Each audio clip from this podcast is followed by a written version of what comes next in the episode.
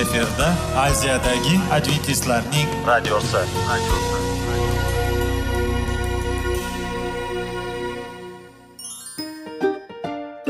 assalomu alaykum aziz radio tinglovchilar.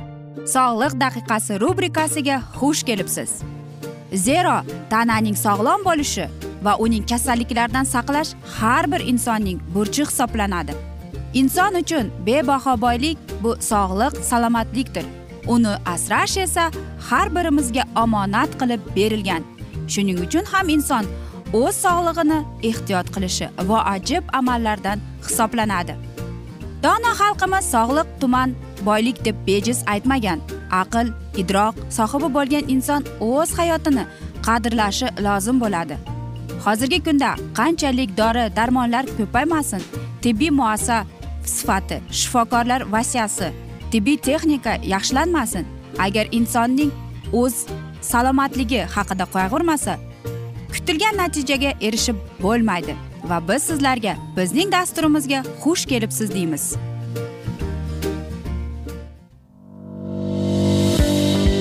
Sog'liq daqiqasi soliqning kaliti qiziqarli ma'lumotlar faktlar.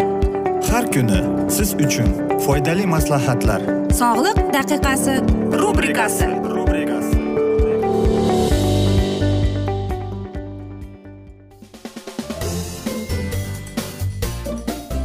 assalomu alaykum aziz radio tinglovchilar dasturimizga xush kelibsiz.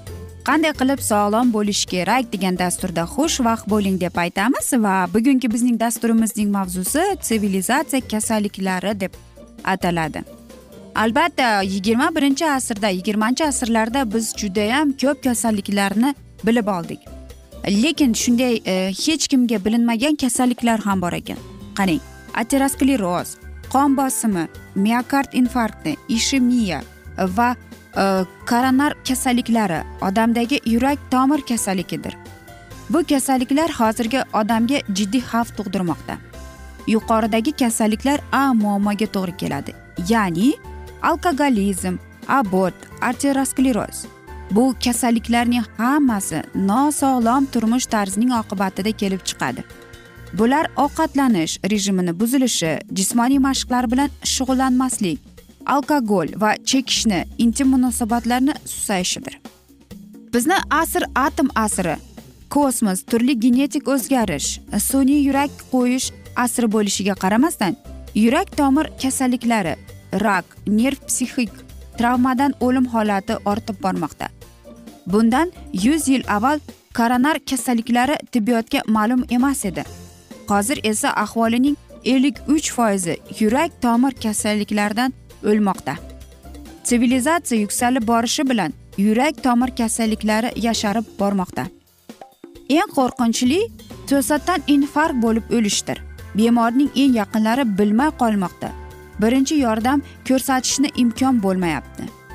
Amerikada koronar kasalliklar bilan o'lgan bir ming uch yuz qirq sakkiz odamlarning qirq bir foizida yurak tomir kasalliklarining belgilari sezilmagani aniqlanadi. Bu odamlar biron marta bir ham kasalligi haqida shikoyat qilmagan. Yurak tomir kasalliklarining ko'pchiligi aksariyat yuksak darajada taraqqiy etgan mamlakatlarda kuzatilmoqda. Chunki bu mamlakatlarda nerv emotsional zo'riqishning yuqori darajada. Qarang. Gipertoniya sivilizatsiya qurboni bo'lmoqda deydi mashhur kardiolog masnikov. Amerikada har yili ikki yuz ellik ming odam infarkt kasalligidan o'lmoqda. Keyingi yillarda amerikada infarkt ikki marta shotlandiyada to'rt martaga ortgan. Qo'rqinchli to'g'rimi aziz do'stlar? Kam taraqqiy etgan mamlakatlarda ahvol qanday deysiz?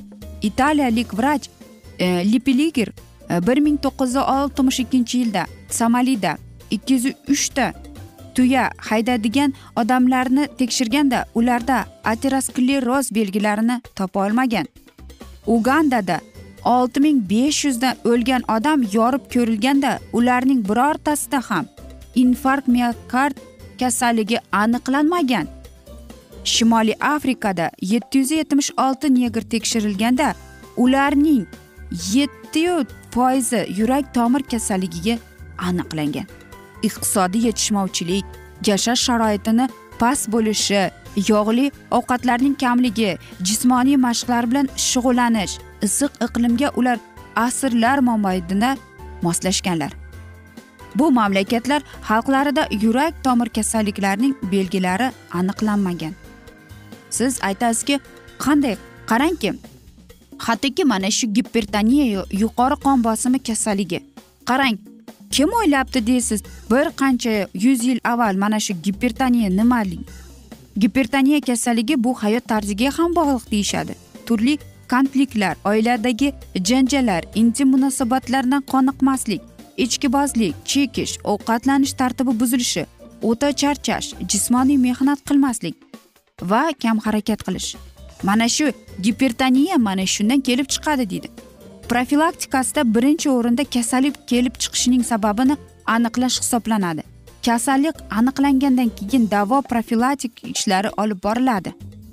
Bu nerv emotsional zo'riqqan odamlar birinchi navbatda ish turini o'zgartirishi yoki nagruzkani kamaytirish haqida o'ylashlari kerak. Eng avvalo hayot tarzini o'zgartirish yetarlicha uxlash to'g'ri ovqatlanish kun tartibiga rioya qilish jismoniy mashqlar bilan shug'ullanishi asablarni tinchlantirishi kerak bo'ladi. Aterosklerozchi bu kasallikda arteriya qon tomirlarini ichki yuzasiga juda ko'p sariq simon blashkalar ayniqsa xolesterin va uning efirlari yopishib oladi. Natijada qon tomir torayadi qon aylanishi qiynalishadi. Qon tomir devori elastikligini yo'qotadi. Organizmga oziqa moddalar kislorod borishi qiyinlashadi. To'qimalarda kislorod tansiqligi vujudga keladi. Aterosklerozning kelib chiqishi bu noto'g'ri ovqatlanish.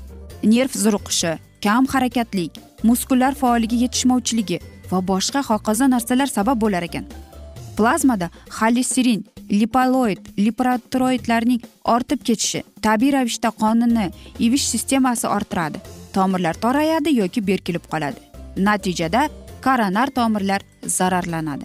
Bularning hammasi bosh og'rig'i yurak atrofida og'riq bosh aylanishi hushdan ketish xotirani kamaytirish va boshqalar sabab bo'ladi. Aziz do'stlar albatta bu qo'rqinchli. Qanday qilib biz mana shunday kasalliklardan o'zimizni olishim oldini olishimiz mumkin? Biz aytdik to'g'ri ovqatlanish to'yib uxlash jismoniy mashqlar to'g'ri vaqtida suv ichish. Aziz do'stlar mana shunday oddiy narsalar bilan biz sog'lig'imizni saqlab qolamiz. Va mana shunday asnoda biz bugungi dasturimizni yakunlab qolamiz afsuski vaqt birozgina chetlatilgan. Lekin keyingi dasturlarda albatta mana shu mavzuni yana o'qib eshittiramiz. Va men o'ylaymanki hammamizda savollar tug'ilgan. Agar shunday bo'lsa biz sizlarni salomat klub internet saytimizga taklif qilib qolamiz aziz do'stlar. Va umid qilamanki siz bizni tark etmaysiz deb. Chunki oldinda bundanda qiziq va foydali dasturlar kutib kelmoqda aziz do'stlar. Biz sizlarga va yaqinlaringizga sog'lik salomatlik tilab o'zingizni va yaqinlaringizni ehtiyot qiling deb xayrlashib qolamiz.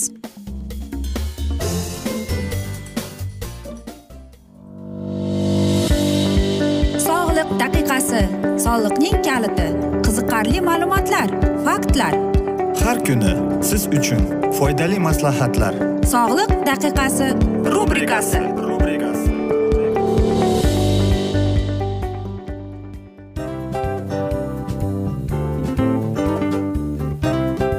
mana ha hayotda hamma narsaning yaxshi narsalar tugaydi va yakunlaydi degandek bizning dasturimizga ham yakun keldi.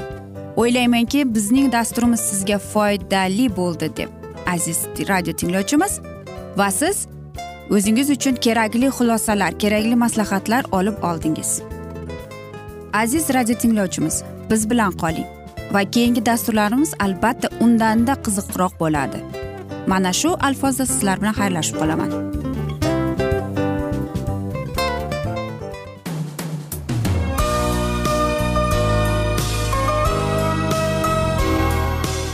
Efirda aziyadagi adventistlarning radiosi.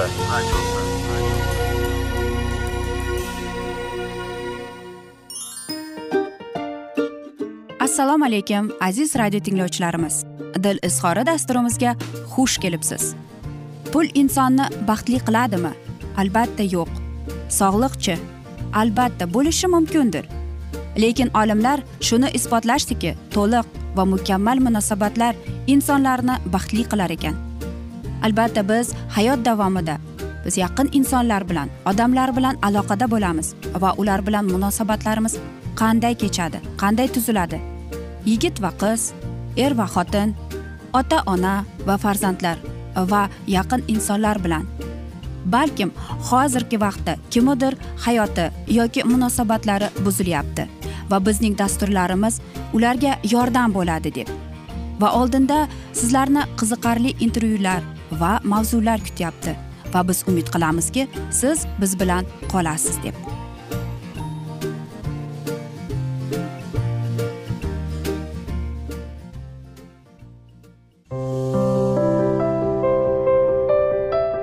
Har kuni har xil kasbdagi odamlar bilan sirlashish va bo'lishish sevgi rashq munosabat.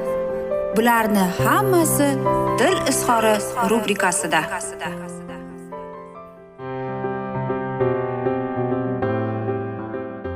Assalomu alaykum aziz radio tinglovchilar dasturimizga xush kelibsiz. Va topish va ushlab qolish degan dasturda xushvaqt bo'ling deb aytamiz. Va bugungi bizning dasturimizning mavzusi nikoh modeli va er xotin munosabatlari deb nomlanadi.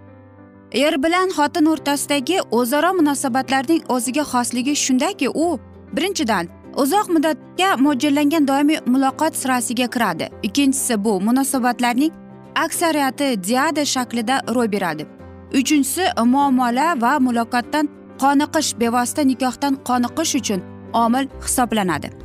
Qarangki rus olimi antonovning ta'kidlashicha eng mustahkam nikohga sabab bo'lgan munosabatlari bu ikkala tomon ham shaxs sifatida tobora taqomlashib sayqal topib ularda e, o'zaro mehrga bir biriga yordam berishga ishtiyoq ortib boraveradi. Ko'plab o'tkazilgan tadqiqotlar bo'yicha olimlarning ta'kidlashicha er xotinlik aloqalari yetuk inson uchun eng ahamiyatli va hayotiy zarur bo'lgan munosabatlardir. Olimlarni qiziqtirgan muhim masala e, mustahkam baxtli nikohni tashkil etuvchi vosita nima ekanligini aniqlashdir. Shunisi xarakterliki har bir inson o'z oldiga oila qurish nikohga kirishni maqsad. Shunisi xarakterlikki har bir inson o'z oldiga oila qurish nikohga kirishni maqsad qilib qo'yar ekan. U avvalo oila va nikoh borasida xalq orasida shakllangan tasvirlanganga tayanadi deyiladi. Nikohga kirgan juftlik doimo nikoh tushunchasiga aloqador bo'lgan qat'iy doiralar va normalar dunyosida yashaydi. Lekin har bir juftlikning hayoti o'zlarigina aloqador bo'lgan o'ziga xos xufiyona sirli olamdir. Zero ikki individuallikning birlashuviga sabab bo'lgan his tuyg'ular bir qarashda o'sha xufiyonalik sababli zarar ko'rayotganga o'xshaydi. Ba'zan er va xotin bir biriga nafaqat xarakter nuqtai nazaridan balki tashqi ko'rinishidan bo'yicha ham o'xshab ketadi deyishadi.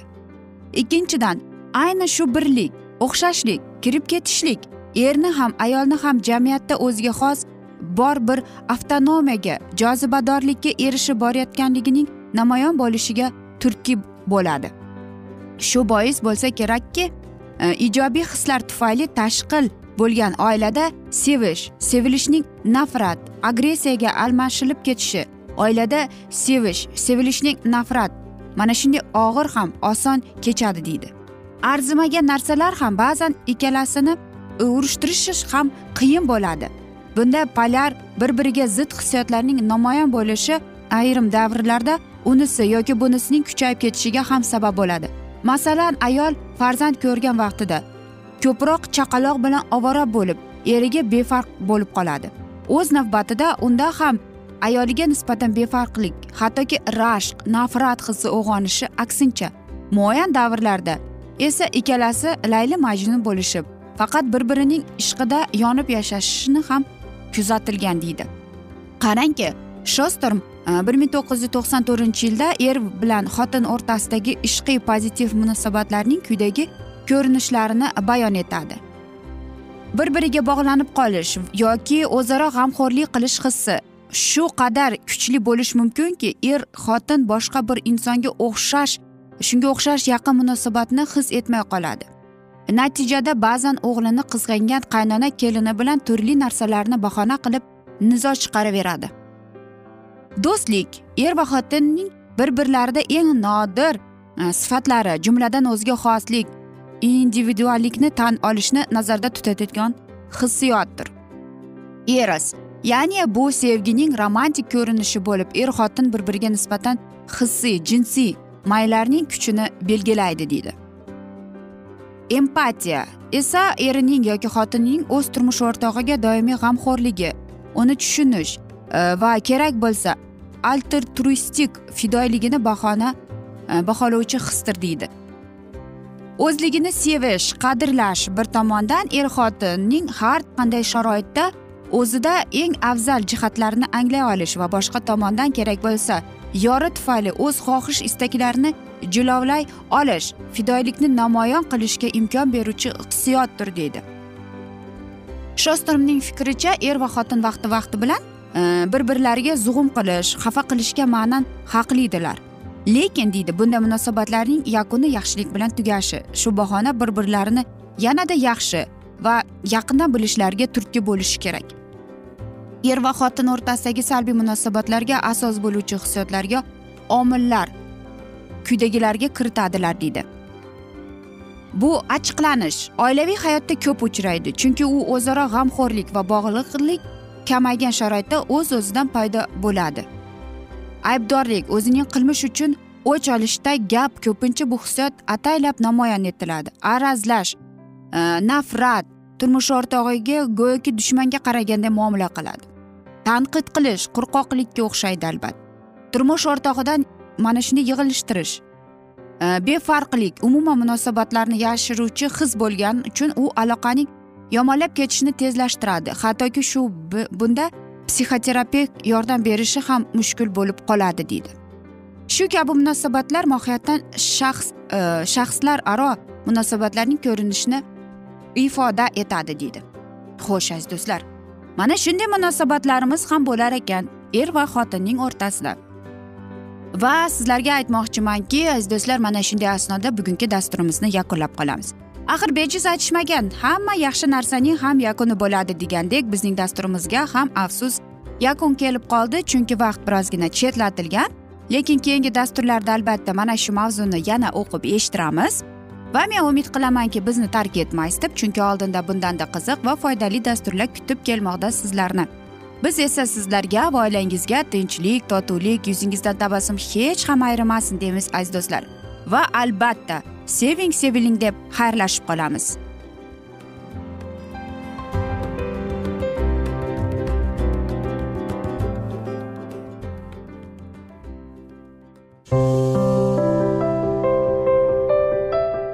Har kuni har xil kasbdagi odamlar bilan sirlashish va bo'lishish sevgi rashq munosabat bularni hammasi dil izhori rubrikasida. Mana aziz radio tinglovchimiz bizning go'zal va foydali va chiroyli dasturimiz yakunlanib bormoqda. Sizlarga birozgina maslahat berib o'tmoqchi edik. Bir biringizni seving. Qadringizga yeting. Va erkalang albatta bir biringizni va sizga judayam chiroyli va mustahkam munosabatlar tilab qolamiz albatta. Sevgilingiz doimo yoningizda bo'lsin. Mana shu borada sizlar bilan xayrlashib qolamiz. Xayr.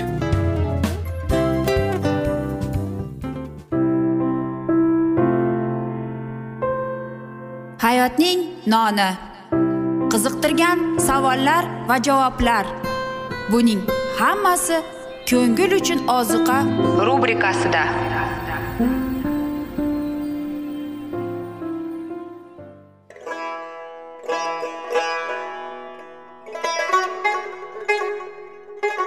Assalomu alaykum aziz radio tinglovchilarimiz. Ko'ngil uchun oziqa rubrikasida xush kelibsiz deymiz. Siz haqiqatni izlayapsizmi? Olamnimi?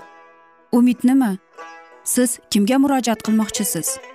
Odamlar ko'pincha siyosat kuchiga tayanadilar. Dunyo iqtisodiyoti holati tobora chuqurlashib bormoqda. Tabiiy ofatlar va texnogen halokatlar minglab insonlarning hayotini olib ketib juda katta zarar yetkazmoqda. Sizga abadiy hayot inomini hadya qiluvchi va hayotingizni tubdan o'zgartiruvchi haqiqatni izlab toping. Xudo haqidagi haqiqat uning kalomida mujassamlashgan. Kimki bu haqiqatni butun qalbi bilan izlasa albatta unga yetishadi. Bu sevgi xudoning tarixidir. Hayotingizda yoki sizning yon atrofingizdagi olamda nimalar yuz berishidan qat'iy nazar? Siz ertagi kunga buyuk umid va ishonch hosil qilishingiz mumkin. Hozirda xudo sizga taklif qilayotgan umid ishonchga o'z qalbingizni oching va sizni qiziqtirayotgan mavzularni savollaringizga javoblaringizni topib olasiz deb umid qilamiz. Biz bilan qoling.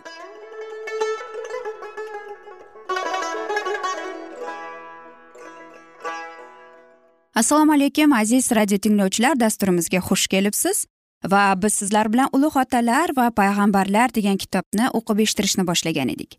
Va bizning bugungi dasturimizning mavzusi bu ibrohimning da'vat etilishi deb nomlanadi. Bu ibtido kitobining o'n ikkinchi bobiga asoslangan. E, Bobil minorasining qurilishi to'xtatilgandan keyin insonlar yer yuziga tarqaldilar va butparastlik ham e, butun yer yuziga yoyildi. Oqibatda xudovandni karim shafqatsizligidan e, badkirorlarni gunoh yo'llaridan sayohat qilishga o'z ixtiyorlariga qo'ydi. Som avlodidan esa ibrohim alayhissalomni tanladi va uni nasl nasablar uchun o'z qonini asraydigan qilib tayinladi. Ibrohim diniy urf odatlar va majusiylik sharoitida o'sdi. Otasi tufayli oilada xudovandni sharif to'g'risida bilim saqlanib keldi. Lekin bora bora otasining oilasi ham atrofdagi muhitning lazzatlariga berildi va azaldan bo'lganining o'rniga boshqa xudolarga sig'ina boshlandi. Lekin haqiqiy iymon tamoman nobud bo'lmagan edi. Har davrlarida xudo faqat unga xizmat qiladigan qoldiqni asrab kelardi. Hanuh matushaloh nuh suh va som uzoq davrlar mobaynida uning irodasining qimmat vahiylarini avloddan avlodga topshirardilar teraxning o'g'li shu qimmatli xazinaning vorisi bo'lib tayinlandi. U har tomondan vasvasaga solindi. Lekin shaytonning harakati bekor bo'ldi. Imonsizlar ichida imonli buzuqlar ichida beg'ubor u tanho haqiqiy xudoga tebranmaydigan sadoqatni namoyon etdi. Xudovandga murojaat qiladigan chin qalbdan murojaat qiladigan har bir insonga u yaqindir. Xudo o'z irodasini ibrohim alayhissalomga ochdi o'z qonuni to'g'risida va kelajakda masih orqali kamolga yetadigan najot to'g'risida aniq tasavvur berdi. Ibrohim alayhissalomga xudovand nazr aytadi. Bu nazr shu davrning insonlari uchun juda qadrli edi. Nasl nasabining ko'pligi to'g'risida va shu xalqning qudrati to'g'risida. Sendan buyuk xalq vujudga keltiraman. Seni tabarruk qilib nomingni ulug'layman. Sen barakali bo'lgaysan. Bunga yana bir nazr qo'shildi va u nazr iymon vorisi uchun hammalaridan qimmat edi. Uning naslidan dunyoning xaloskori kelib chiqadi. Yer yuzidagi barcha qabilalar sendan baraka topadilar. Bu nazrni yuzaga chiqarish uchun bir shartnoma ya'ni iymonni sinash degani bor edi. Undan qurbon talab qilindi. Xudovand ibrohimga xitob qilib dedi. O'z yeringdan ona yurtingdan otang uydan chiqib sen menga ko'rsatadigan yerga ket. Muqaddas haqiqatlarni saqlaydigan buyuk ishga xudovand ibrohimni tayyorlash uchun u yosh yillarini o'tkazgan joyini qoldirib chiqib ketishi kerak bo'ldi. Yaqinlarining va do'stlarining ta'siri xudovand niyat qilgan uning tarbiya bo'lishiga xalaqit berardi. Endigina osmon bilan alohida aloqa tuzganidan keyin ibrohim begona xalq ichida yashashi darkor bo'ldi.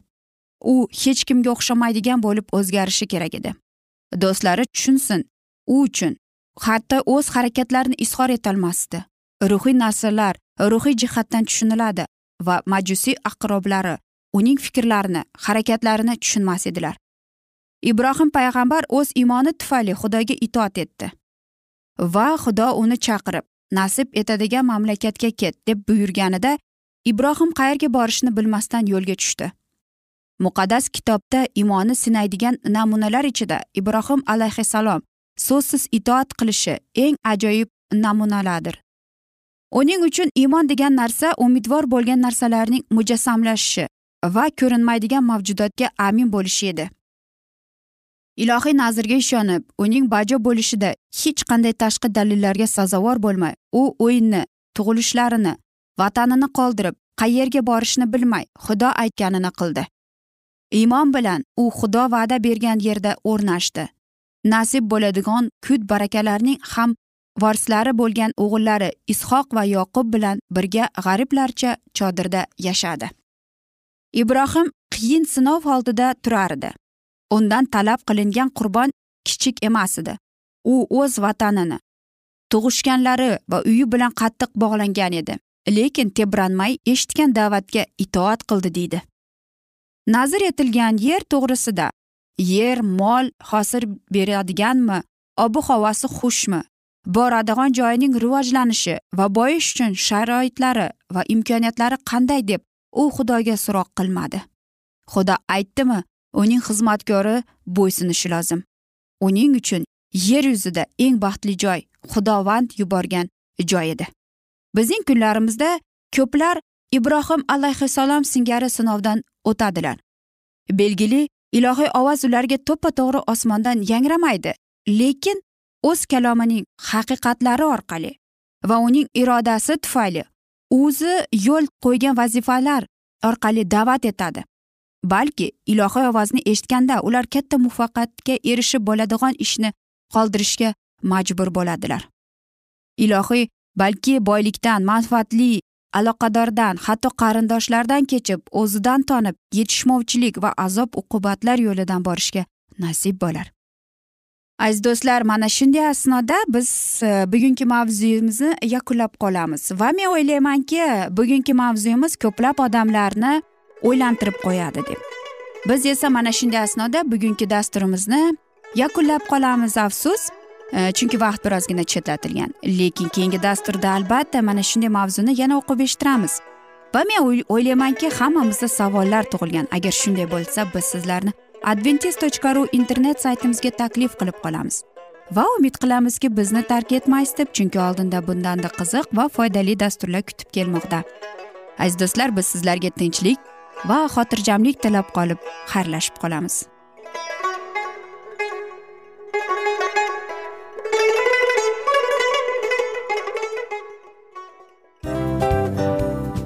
Narsaning yakuni bo'ladi degandek afsuski bizning ham dasturlarimiz yakunlanib qolyapti. Va biz o'ylaymizki bizning dasturimizdan o'zingiz uchun kerakli va foydali maslahatlar olib oldingiz. Sog'liq borasida sizga foydali maslahat berganmiz deb umid qilaman albatta. Va sizlarga mana shu borada sog'liq tilab qolaman. Munosabatlarga kelganda esa sizlarga sevgi omad va albatta yaxshi munosabatlar tilab qolamiz. Uchinchisiga kelganda esa bu juda chuqur va e'tiborli nazarni qumsaydi. Va sizlarga mana shu yaxshilik kayfiyatda sizni kayfiyatingizni ko'targan holda sizlar bilan xayrlashib qolaman afsuski. Ammo lekin keyingi dasturlarimiz undanda qiziq bo'ladi. Va siz biz bilan bo'ling bizni tanlaganingiz uchun sizlarga rahmat. Omad sizlarga xayr.